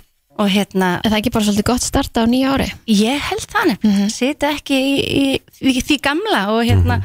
leifa, það mega alveg einar til lokast og, og aðrar opnast og það er eitthvað spennandi sem springur út Mhm. Einmitt. þar. Geggjað. Er, er eitthvað framöndan meira í tónlistinni? Þú veist, ertu, ertu að huga að einhverju svona blötu jafnvel eða þú veist, hver- hvernig lítur þetta út? Æ, nú gefur enginn út plötur, sko. Einmitt. maður er bara að gefa út eitt og eitt lag og það er bara já. svona, þú veist, ég er ekkit með á einhverju, hérna, eitthvað plan fimm, á, fimm lög á árinu eða Nei, eitthvað, nei. en svo bara eftir þetta lag, það kemur lag, hvort sem það er á þessu ári eða næsta eða þar næsta, sko. Gerist bara sem gerist? Ég, það er svolítið svolítið, sko. Já. Þetta er bara í dag Einmitt. og sjáum bara hvað gerst á morgun. Gæðut. Birgitta Haugdal springa út komin á Spotify. Við ætlum að heyra lagið. Takk kærlega fyrir komuna og gangið sem allra best í kvöld. Það er rætulega sjálfsögum. Hefst uh, bara beint eftir uh, fréttir Já. uh, í þráðbeinni útsendingu frá Idol höllinni. Birgitta Haugdal, takk fyrir komuna. Takk fyrir mig. Krumla er eh, lagið en við erum að fara í Já, úr, úr, úr, Úr einni pop- strákasveiti yfir í aðra. Já. Já, nefnum við erum ekki að taka fólki í krumlur, við tökum það bara í harkalega hálstök. Akkurat, aðeins harðari já, já. bóiband hana Ef svo má kalla Það er rosalegt að byrja, byrja því að kalla Rottweiler boyband. En þið heyri röddina uh, að mínum að þið einn eh, besti rappar Íslandsögunar Ágúst Bent Já, góðan daginn, góðan daginn, brennsla. Gaman að vera komin. Djúð lítur þú vel út, þú mátt eiga það Já, takk hérlega, ég var að koma frá tenni í gær, þannig að maður er smá útitekinn. Já, Já. það var líka bara myndar að ganga á samfélag Þetta er þessi mynd er í öllum vinahópum sko.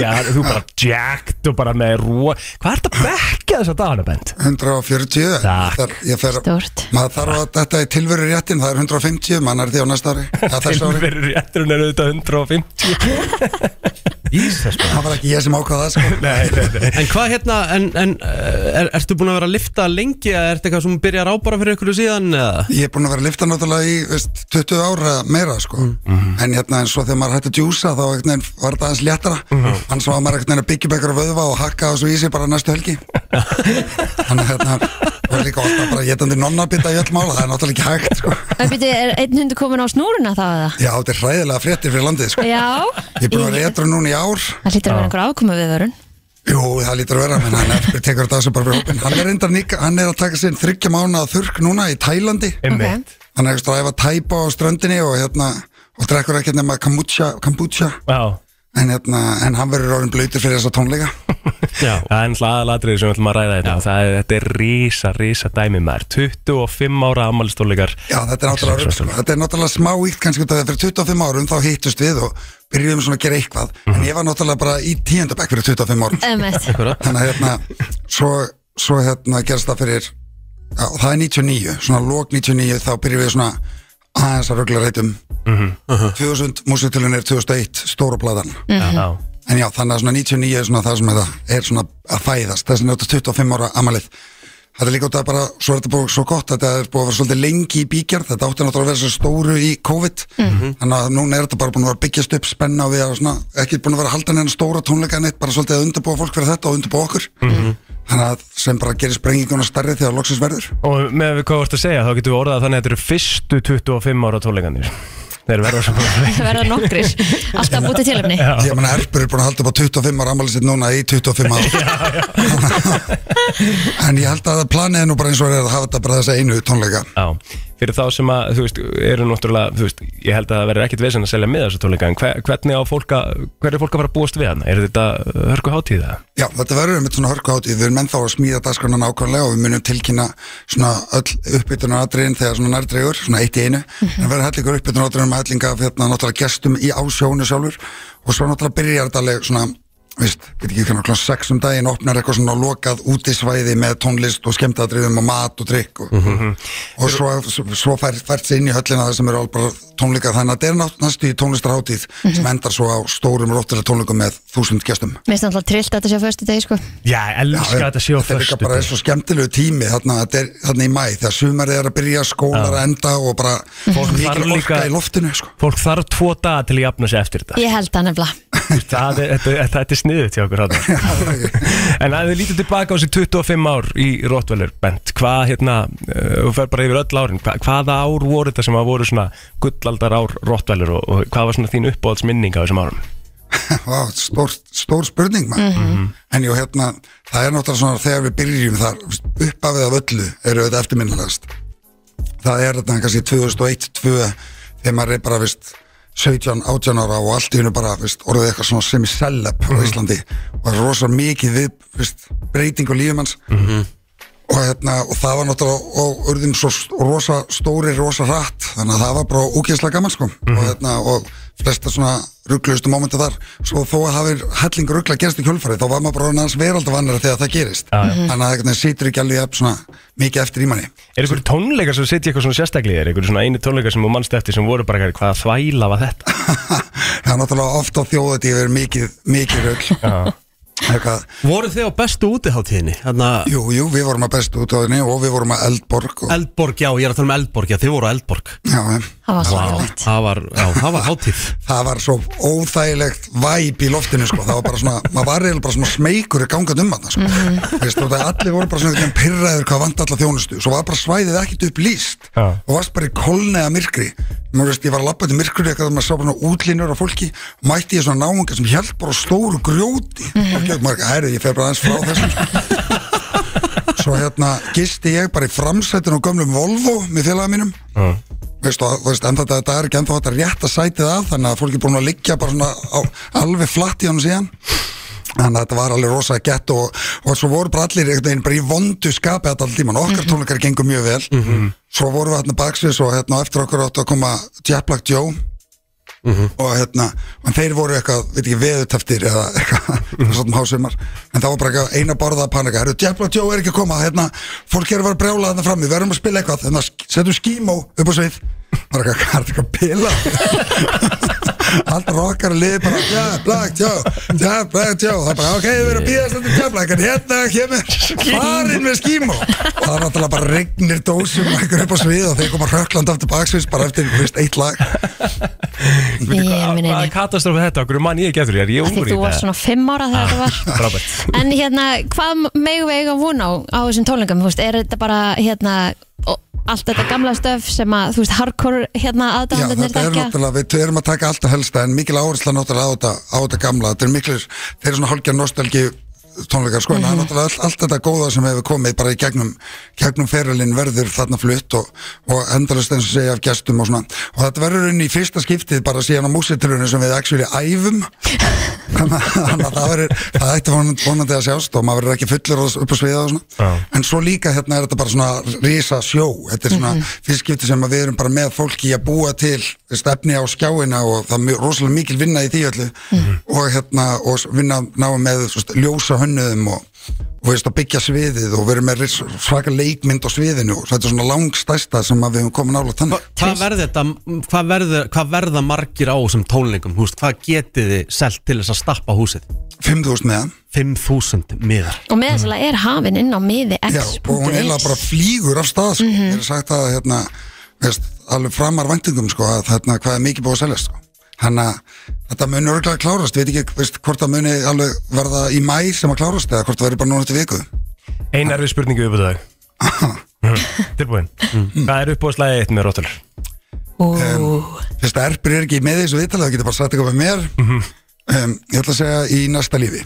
Næsta lífi Ertu búin að kjúa þetta? Ertu ready í Ég það? bara er að fara í það núna. Er það ekki? Nei, í næsta lífi, þetta er ekki það, en Bent Nálgast er náttúrulega langbesta rapplag Íslandsögunar. Já, hvað setja það bara En, næsta en við tökum það á næst Bent, takk fyrir komuna og hérna hlökkum til að sjá okkur í höllinni í mæk Þetta er gaman sér. Miðasala á miðax.is Brennslan, Björn og Brósandi, það er eh, að koma helgi og því líku dagur til þess að byrja á fyrsta leik okkar á EM í handbólt á föstu degi. Eða það ekki Oh. Þetta er allavega gott svona fyrir andan hérna í fyrirtækjum og, og landanum bara yfir höfuð held ég sko Já, bylgjarnar gerir þetta vel Já, Já, Hún er að pakka okkur saman Já, pökka okkur saman, við erum bara að viðkynna. já, já. Þau fóru bara í Henson og letu gera fyrir sér treyjur fyrst það var ekki hægt að fá treyjur Bara merta treyður alltaf Já, Ég hef mert bara bylginni og nafni og öllu saman Mhm. þetta er vel gert Það hafði, hafði þetta repið þau að spyrja hvort þau vildu vera með það Nei, mitt, þú veist, það hefur alveg kannski verið svolítið skemmtilegt bara að taka allt út úr sviðið í dag en ég meina, ég veit að við höfum gert það fyrir þau Já, skilurðu. það er hárið eftir þér Þannig að hérna, þetta er bara sérst hverju svona betri manneskjur Herðu, nú í Smartlandi búin að taka saman tíu hluti sem að ætti að koma er í gegnum skamdið Nú, Við erum heldur betur búin að fá sko, núna er ég oft mjög jákvæð gagastu veðrinu, vetrinum og þú veist Já, þú Þetta ert er- það. Ég Já, gerði það alveg. þetta Já. er bara svona, við búum hérna einmitt, við þetta- veljum það að búa hérna Mhm. Við veljum að búa hérna, þetta ætti ekki að koma okkur á, á óvart en gera það einhvern veginn ár hvert Já, já. Eh, Taka bara divitamin, vera bara brosandi Ok, skilurðu, en það og er að bara- koma enn? Já, nei, það er ekki komin eitt enn Ó, ok, Ég ætla bara að segja ykkur ó, þess, tí, þessa tíu hluti sem að hérna, Smartlandi er búið að taka saman sem að ættu að, að gera þetta hérna, svona bærilegra ok um, en þar kemur fram að það sé ómissandi að góðan jakka sem er vasseldur og þægilegur á svona tímum Mhm. Mm. sem að er alveg rétt við erum búin að, sko, ég fór út að labba í gær Já, mm.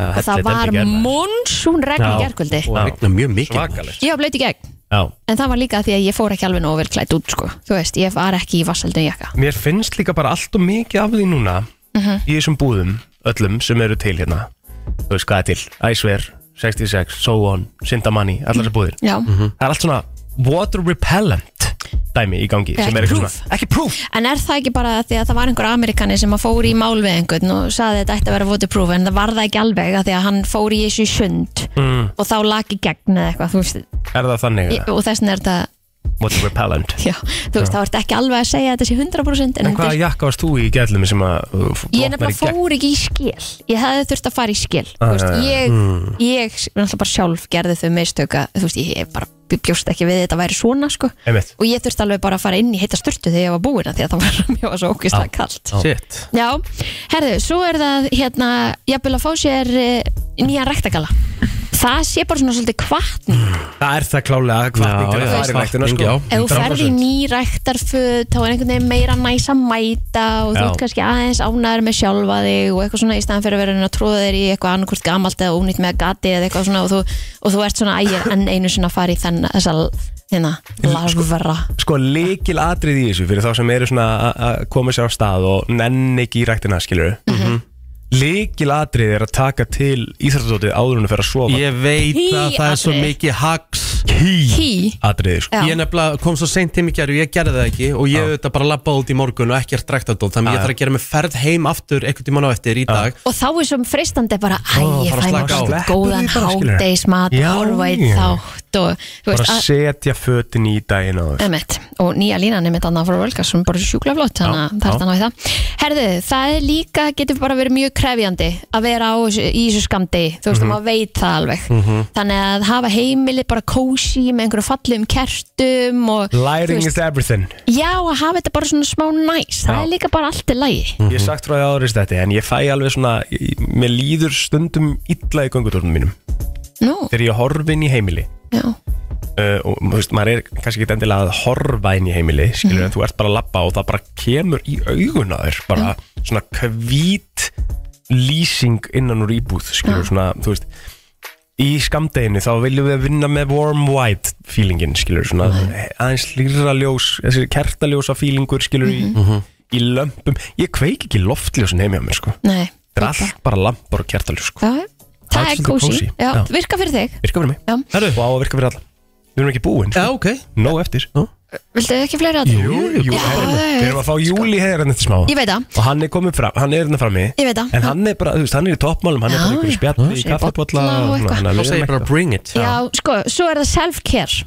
Mm, bara stórt kýadriði og þar er þú svolítið gó- duglegur Nei, ég er bara ætlað að fara að segja Ég er ekki búin að höfna og duðlega með um það. ha, þú ert í kremunum og Já, tanninu sko, og... kremið er bara til að halda mér á lífi Já. Af því að þú veist, ef ég fæ ekki krem eftir sturtu eða baða eitthvað Það Sama má ég ég. ekki tala oft, ég bara Nei. get ekki opnað með munnin Mér líður Sama. það illa, ég verð svo þurr í húðinni Já. uh, En tannið vissulega, jú, það er svona smá self-care En það sem ég er að hugsa í self-care er meira svona eitthvað Núna í kvöld, þú veist ætla ég að fara í bað og setja á mig maska og eitthvað svona, skilur já, en það þarf samt self-care þarf ekki að vera svona eh, sem Svona við myndum kalla þetta drastískt. ekstrím já, einmitt, ok. þetta þarf ekki að vera úr einhverju pinterestborti þar sem þú ert búin að setja einhver fljótandi kerti og eitthvað Nei, líka ok, sko. ok. Mhm. það þarf ekki að vera þannig Nei. self-care er líka bara einmitt, að setja smá margum bein framann í sig Mhm. og bara vakna um morgunum bara "Mm, Næs vera svona smá sunkist eins og Bent var að hérna lappaði henni inn á hann og maður bara af hverju er hann svona tanaður Já, Það verður maður náttúrulega á tenni já já, ég veit það, en þú veist maður getur gert mjög margt til að einmitt láta sér líða betur setja gott krem á kroppin þegar maður er búin styrtu já. þú veist þannig að einmitt maður sé ekki bara að, að, að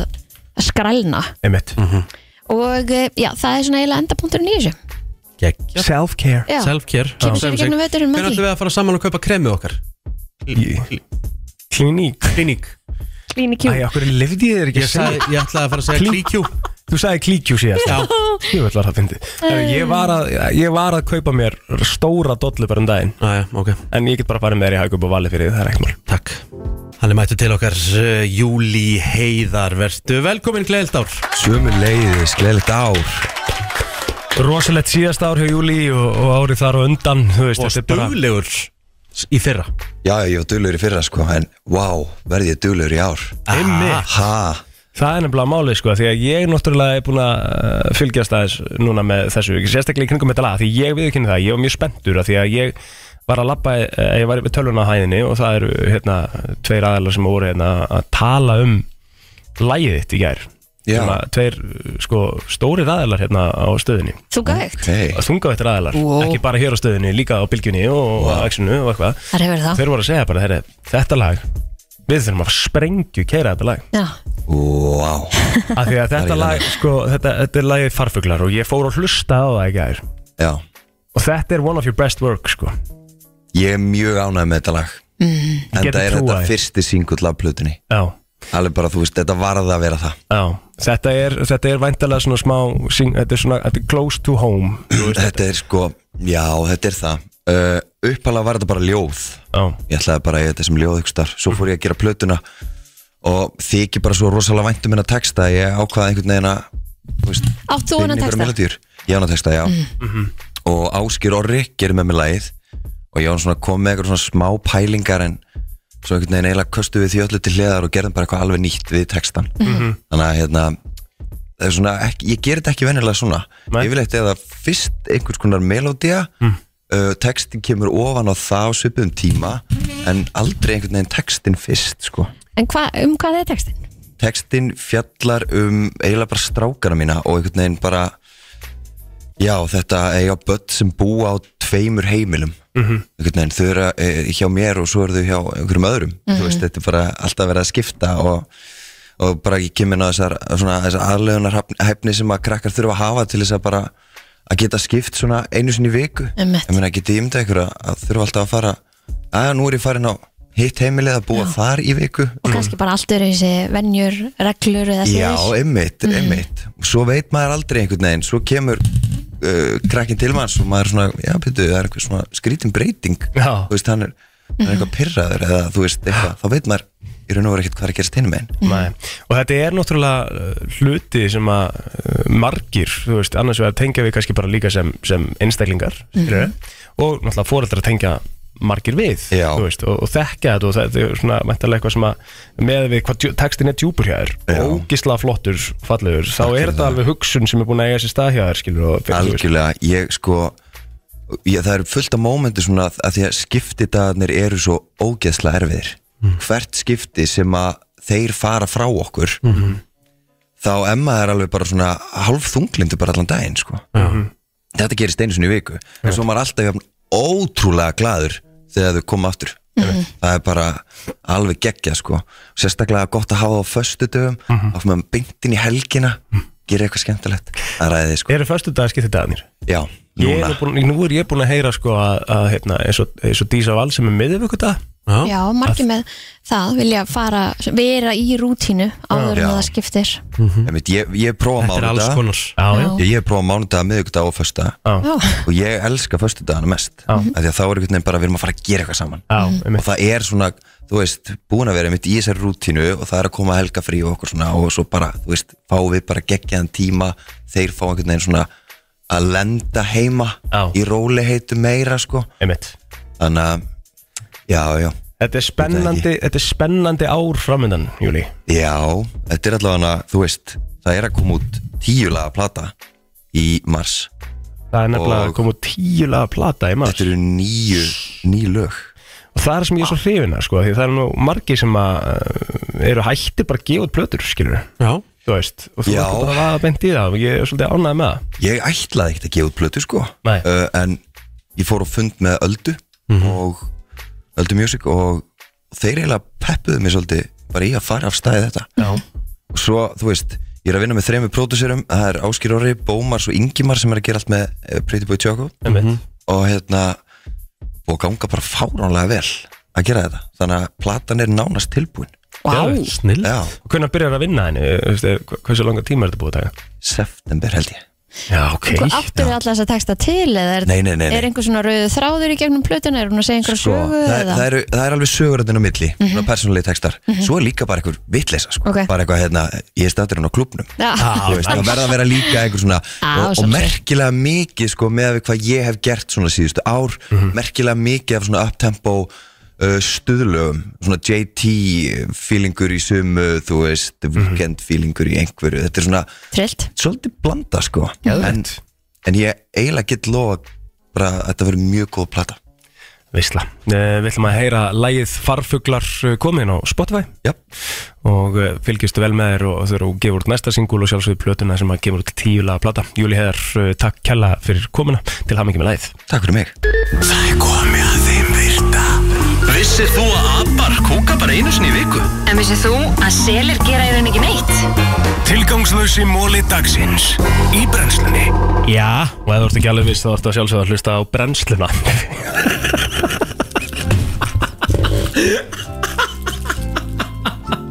Veistu, ok Bara svo, Heldur það svo, svo, svigrúm. svo, svo fólk skilji þetta alveg Ég verð bara að spila þetta aftur Verðilega Vel að gera Áður en við komum í loftið Og ástæðan fyrir að plóter kom með, kom með hennan húmor Svona var þetta Áður en við komum inn Sess að þetta gerir svo- Svona var þetta nákvæmlega Brennslan í samstarfi við Sleepy og Minigarðin. Á FM 957 Vaknaðu með brennslunni Virka morgna á FM 957. Brennslan. Á FM 957 virti í brennslunni Ah. Þetta var skemmtilegt Gaman að þessu maður Já. Heyrðu, Já, uh, mólarnir maður Gömlu góðu mólarnir Kristín, nú mistir að hérna, örku innkomu já, já. um, Hvað sögðu þau að ég hef verið einhvers þar að skýta eða eitthvað? Nei, nei, nei, nei, nei. Varst það því?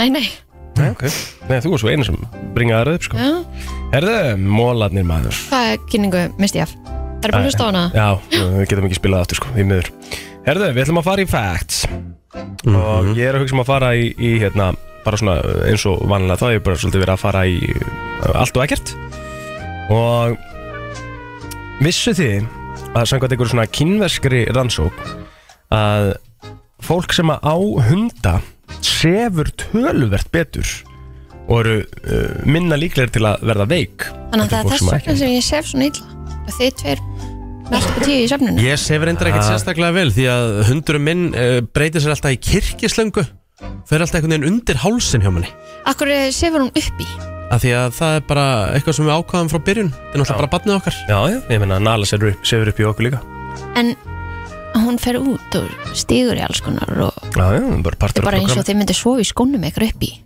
Nei, nei, yes.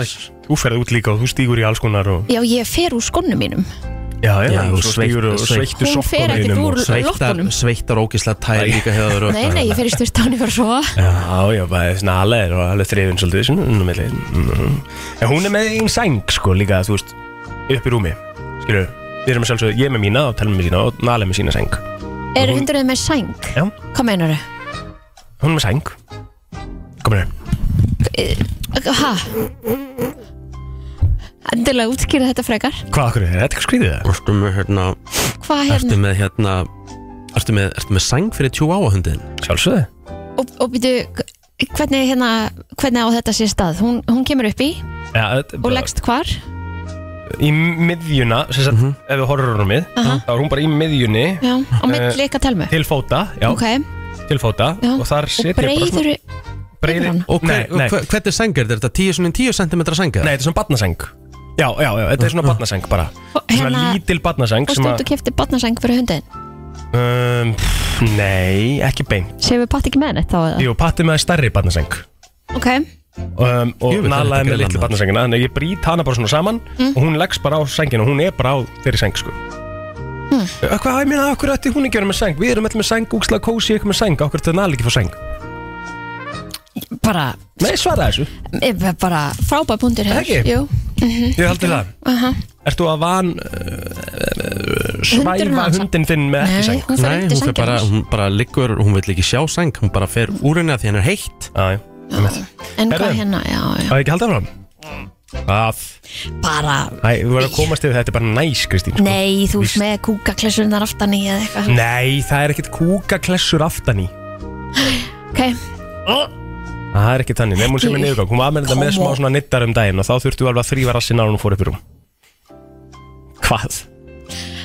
þetta er bara hundur Já, við fundum svona smá kúkafliksur í rassinn um daginn Já, hún var út af því að hún var með niður Nei, ekki áður en hún fór upp í, hún var með smá nittara og við þurftum bara að þrýfa rassinn áður en hún fór upp í, þannig að það voru tvær, þrjá nætur röð sem við þrýfum rassinn frekar en að leifin að Telma vildi vissulega að hún myndi sofa frammi í, í sínu rúmi en ég sagði að það kemur ekki til greina þrýpar hún í rassinn Ok, áhugast Herðu, Já, já, um, nú er djúpurmóli og verið tilbúin Já.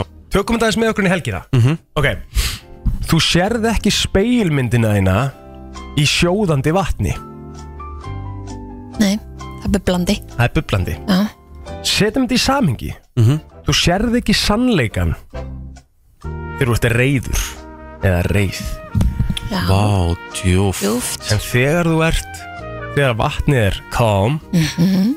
Þá sérðu fyrst skýrleikan Mhm. Já, þetta var mjög djúft og, og fagurt einhvern veginn Bara fekk ég að sjá það Ekki bara, já, Mhm. Ég veit nefnir bútt já um, Fólk sem að fæðist í janúar Kristín Mm. Þetta er móli sem að kannski Þetta Getum, við Mhm. smá gef, vilja taka hana getum gefið okkur Já, já, þetta er ekkert vond Ok. Fólk sem fæðist í janúar fær uh, minna af afmæliskjöfum Rétt, Já. hár rétt Þannig að í guðana værum Skulum ekki Verið góða við stengið þetta er ykkar Já, ég held að það sé nú bara Er þetta svo að opna Louis Vuitton hótel í París og það er alveg svo taska Sælar Heldur þurfa að fara á þetta hótel Þetta er svolítið þú Já, Hvað áttu margar Louis Vuitton vörur? ég og eina sem að hérna, mér var Já, gefið þú bóttið eina Einu þetta sko Mhm. Að- Algjörlega, Veski, svona sæðlaveski sem Já, pappi gaf mér bara klálega Er það, segjum þetta gott Æði, bæ Right now Vá, næstu í sjö tímar í uh, fyrsta leik Ísland, Serbia Talandi um að þurfa smá ósk að halda núna Í hérna Já, að við vinnum að sjálfsögðu Mhm. Eurojackpot er það ekki, þú veist s- Hvað er það? Fuck. 7 eða 17 miljardar eða eitthvað Já, Er hvað það búin að kaupa eitthvað með það? Nei, maður sjá, ég kefti mér hérna samt um daginn, sko uh, Herðu, ég vann, maður Hvað vannstu? Herðu, Já, vítu já, Ég vann hérna í Eurojackpot hættu Nei Hvað vannstu? uh, Ég vann 1580 krónur einum með það Mhm. Til Lúka Og 2960 Nei. já, alltaf gerast Þannig að 3540 krónur inn á reikningum núna inn á appinu Úlala Sem er Þannig að nýtt. Þú fegst, sko, það er 3000 kall Fyrir 10 ráða með það Þannig að þú getur bara farið aftur Mitt Herðu, ég hérna Hvað er potturinn fyrir Eurojackpot í kvöld? 17,9 miljardar Akkurat Mhm. Ég meina, ég myndi alveg gefa ykkur 1 miljard Eða 500 miljónir kannski Já. Það draga þess úr Já, já. Ég tæki einn og skipta millikar Herðu, hvernig er helgin ykkar, Kristinn, byrja á þér? Uh, herðu, bara sjálfsögðu að horfa á leikinn á eftir Mhm, um, Já, ætlum að fara ekki bara í míningarinn og horfa á hann þar okay. Og uh, svo uh, er ég að spá ég að fá bara jafnvel stelpunar í smá wet lunch svona til Mhm. að halda upp á ammali mitt Mitt og, Geggjað. Já, og svo bara eitthvað næs Mm. En þið?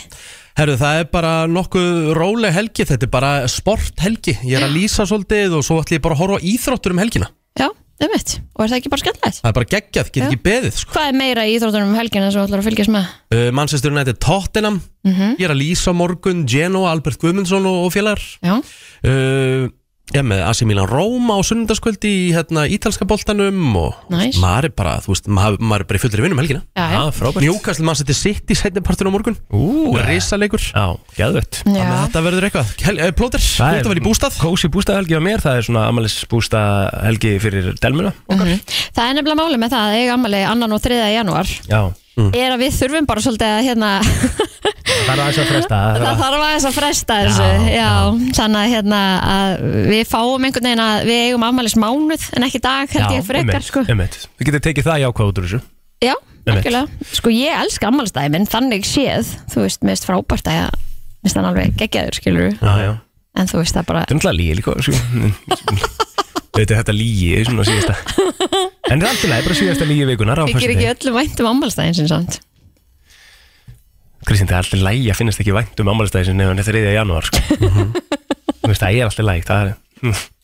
Ha. Það er ekki að hafa svona mikla áhugir Við uh, ég geti þetta ekki sko bara að segja þetta Ha. gott í dag Já, herði, við þökkum bara kærlega fyrir vikuna Já. Hlökkum til að vera með ykkur inn á mánudaginn Einmitt. Mhm. Við minnum að sjálfsögða á alltaf helsta frá því í vikunni komið inn á allar helstu efnisveitur og inn á vísi.is Þannig að við segjum bara blessi bilið, góða helgi og hafa það gott Takk hérlega